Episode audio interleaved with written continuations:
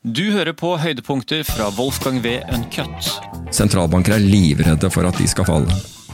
Er det, er det, er det noe som på en måte har blitt verre etter finanskrisen? Eh, at, eh, Det startet etter finanskrisen, da sentralbanker gikk inn for å stabilisere, stabilisere markedet i forbindelse med det. Altså først den amerikanske sentralbanken, som da går inn med midler for å stabilisere kursene. Men, og det var egentlig ment som en, en, en kortsiktig bidrag for å få, for å få stabilisert markedene. Men så fortsatte man å gjøre dette. Og, det, og på det tidspunktet var det ingen som trodde engang at det var mulig at man gjorde det i tre år.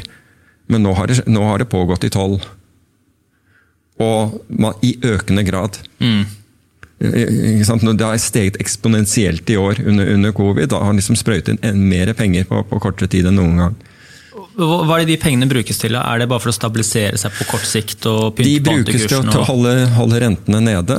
Kjøpe statsobligasjoner. Presse de så langt ned at sparere som trenger, eh, som, som trenger avkastning, blir tvunget til å ta risiko. De må over i aksjemarkedet.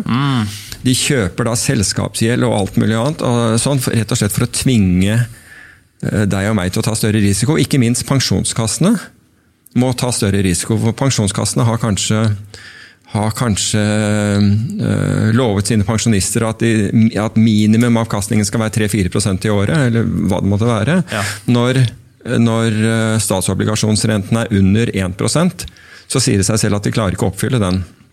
Da må de lenger ut på risikokurven for å finne ting som kan gi en høyere risiko.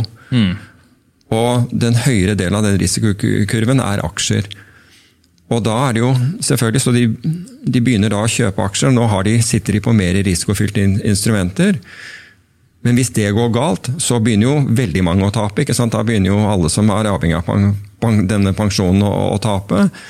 Og sentralbankene har da gått inn ved hvert eneste eh, når, når, ved hvert eneste kursfall så har de da gått inn og støttekjøpt ytterligere.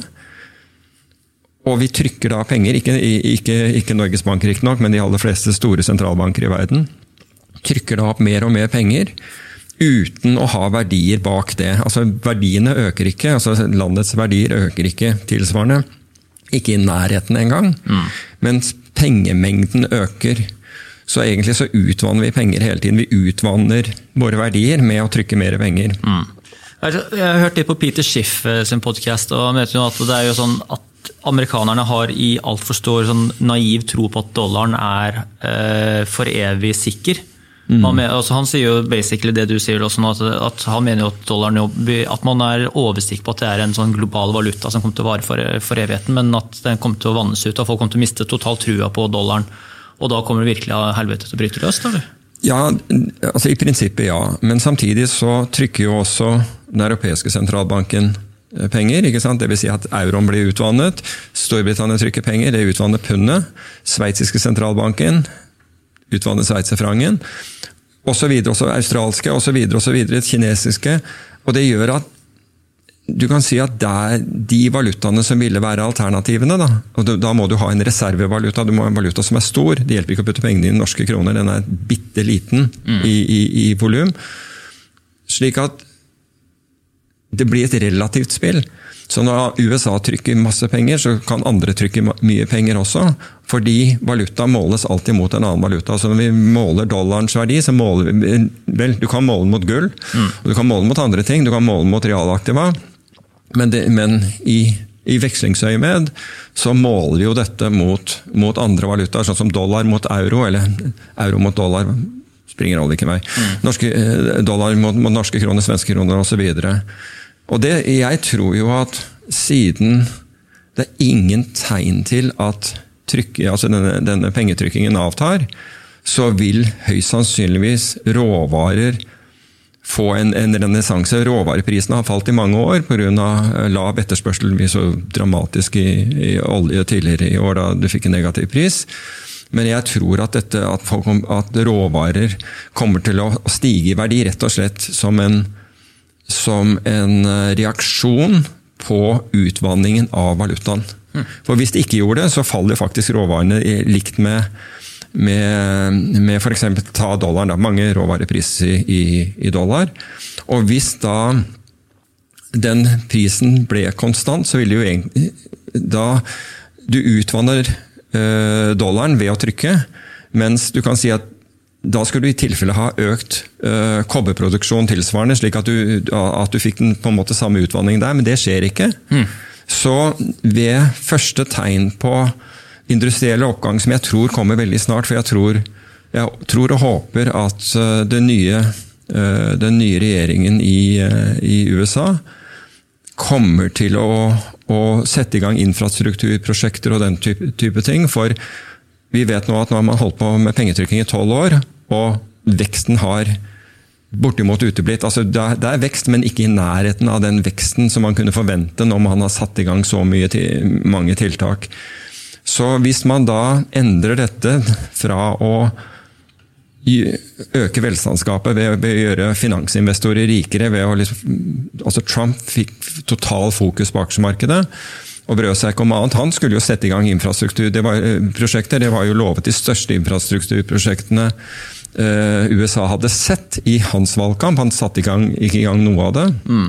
Så du kan si at hvis da Biden velger, og hans regjering velger da å gå mot, mot store infrastrukturprosjekter, så vil viktige råvarer, industrielle råvarer, bli etterspurt av det.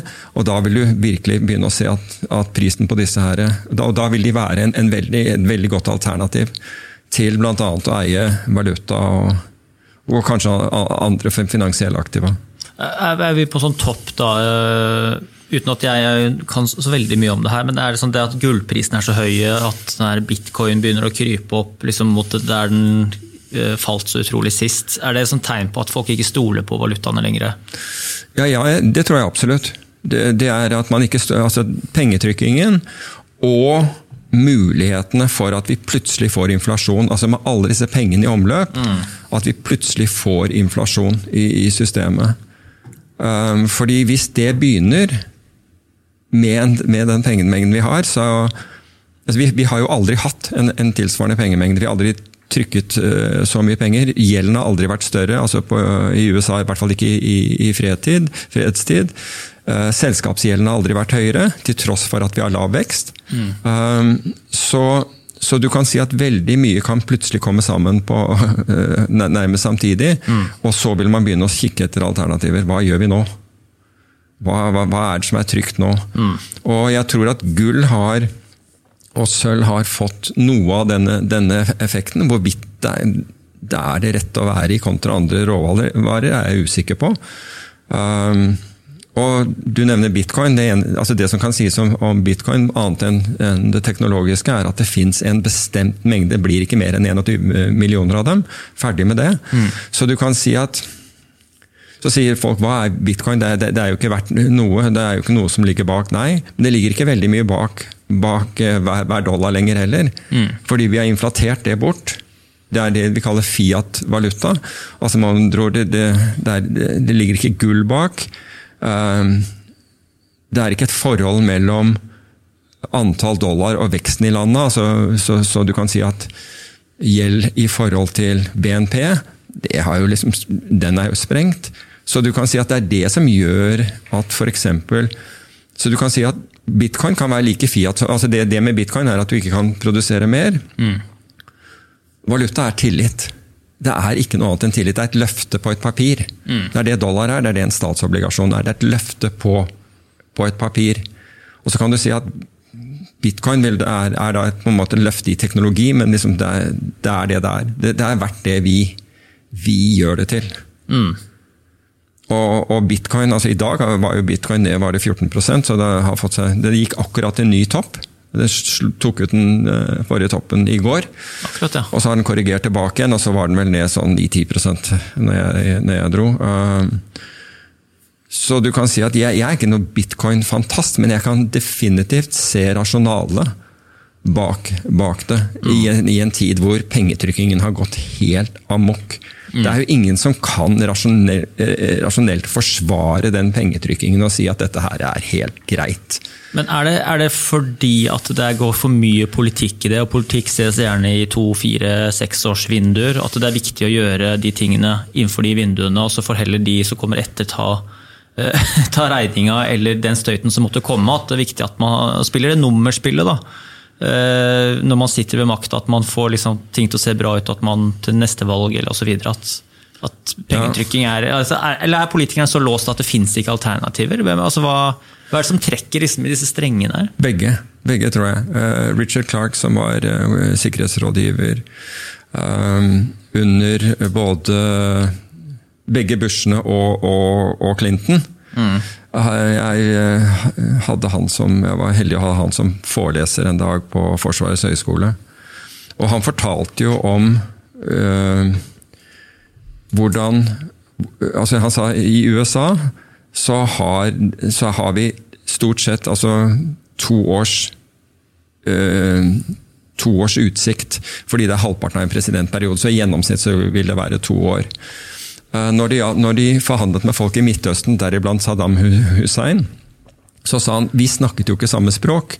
For når han snakket om sine vyer, så var det 100 år frem i tid. det de snakket om. Han sa det samme kineserne. De snakker jo om 100 år frem i tid, kanskje 200 år frem i tid.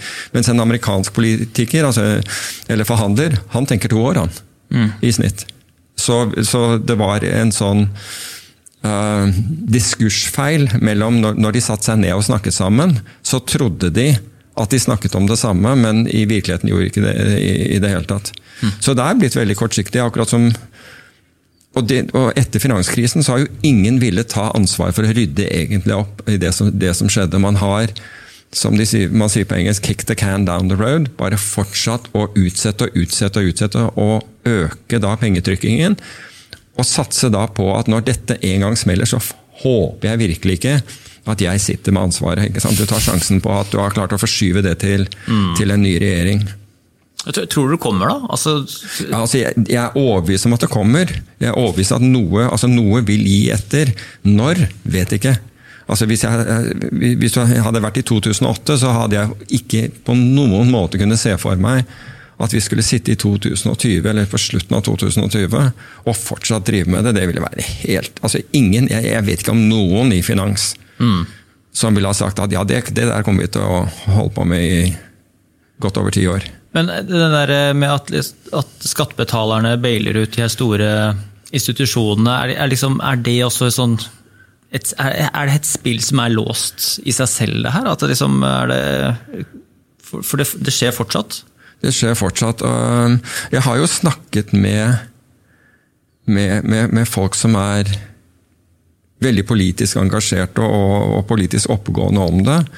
Og jeg sa hva kommer det av at opposisjoner ikke tar tak i dette her? Og, og, og det svaret jeg nesten alltid får, er at de skjønner ikke. De, de, er, altså de, de forstår faktisk ikke dette. Fordi det, eh, altså konsekvensen av dette er at du øker velstandsgapet, du gjør de rike rikere, og de, de fattige da, i hvert fall relativt sett eh, fattigere. Og at, man, at ikke det alene provoserer, hvor man sier at her må vi omfordele på en eller annen måte, det, det er for meg eh, et, et kjempespørsmål. Wolfgang V. Ankat.